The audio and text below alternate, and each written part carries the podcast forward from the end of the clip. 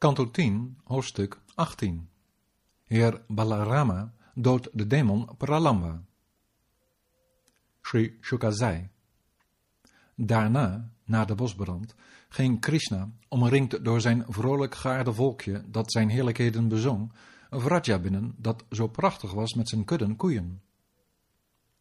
Terwijl de twee heren Balarama en Krishna, al dus vermomd als een koeherder, hun spel speelden in Vraja, brak het zomerseizoen aan dat door de levende wezens niet zo prettig gevonden wordt.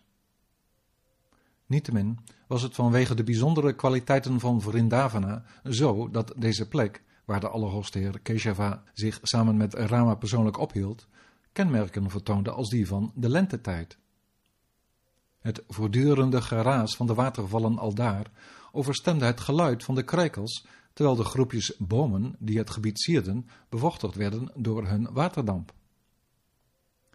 Vanaf de golven van de meren en de stromen van de rivieren voerden koele briesjes het stuifmeel mee van de Kalara, Kanja en Utpala lotussen.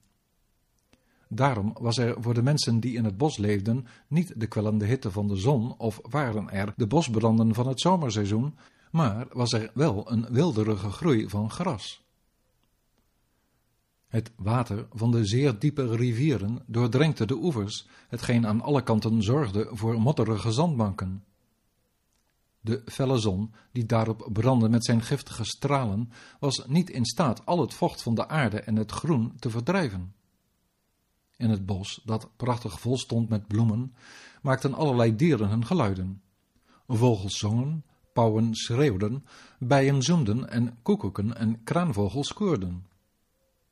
Terwijl hij zijn fluit liet weer klinken, ging Krishna, de Allerhoogste Heer, met het plan er te spelen, dat bosgebied binnen, vergezeld door Balarama, de gopa's en de koeien.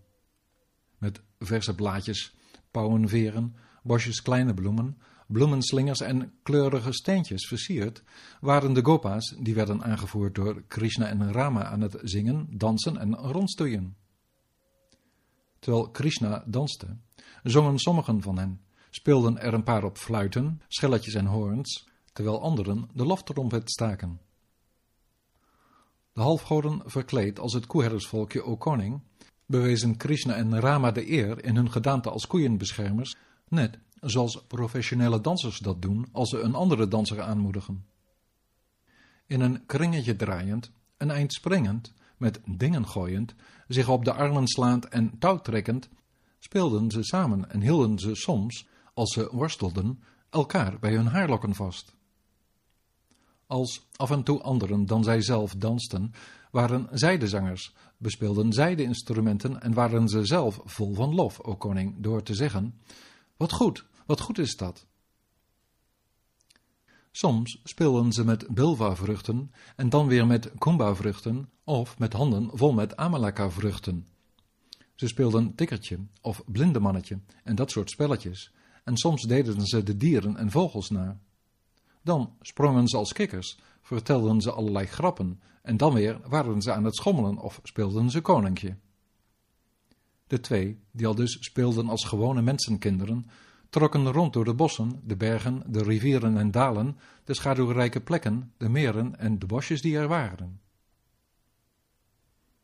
Op een dag, toen Rama en Krishna samen met de gopa's de dieren in dat bos aan het hoeden waren, verscheen daar de demon Pralamba in de gedaante van een gopa.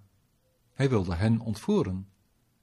Omdat hij, die van het huis Dashara stamde, de alwetende opperheer was, had hij hem door.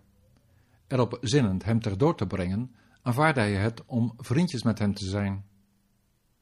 Krishna, hij die alle spelletjes kent, riep daarop de gopa's bijeen en zei, O Gopa's, laten we spelen en ons in twee gelijke teams verdelen.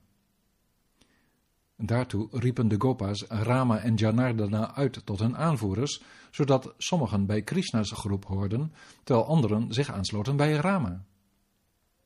Ze gingen over tot verschillende spelletjes hakkerpak, die werden bepaald door de regel dat de winnaars op de rug mochten klimmen van degenen die verslagen waren en dan door hen moesten worden gedragen. Terwijl ze droegen en gedragen werden, hoeden ze de koeien.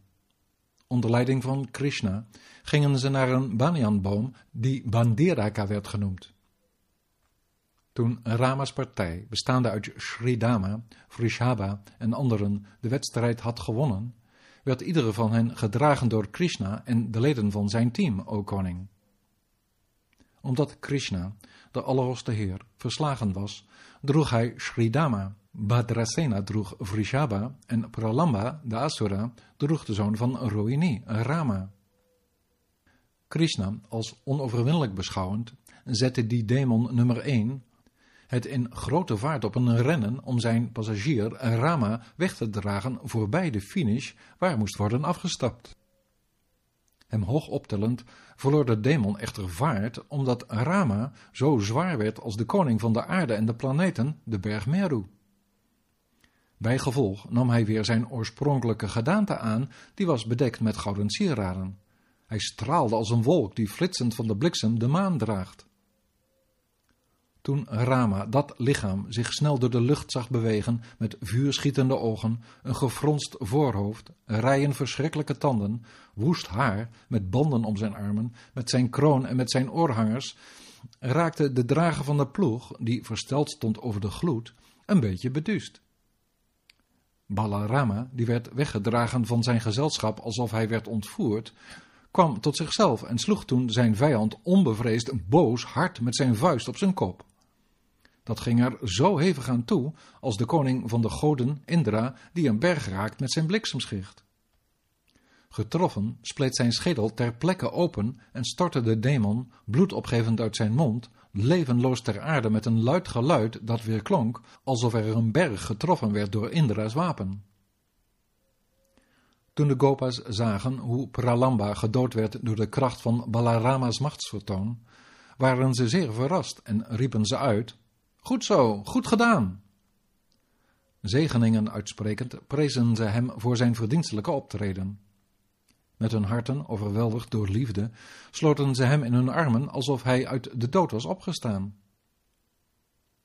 Nadat de zondige Pralamba was gedood, bedolven de halfgoden Balarama hoogst voldaan onder bloemenslingers en brachten ze gebeden, terwijl ze bravo uitstekend riepen.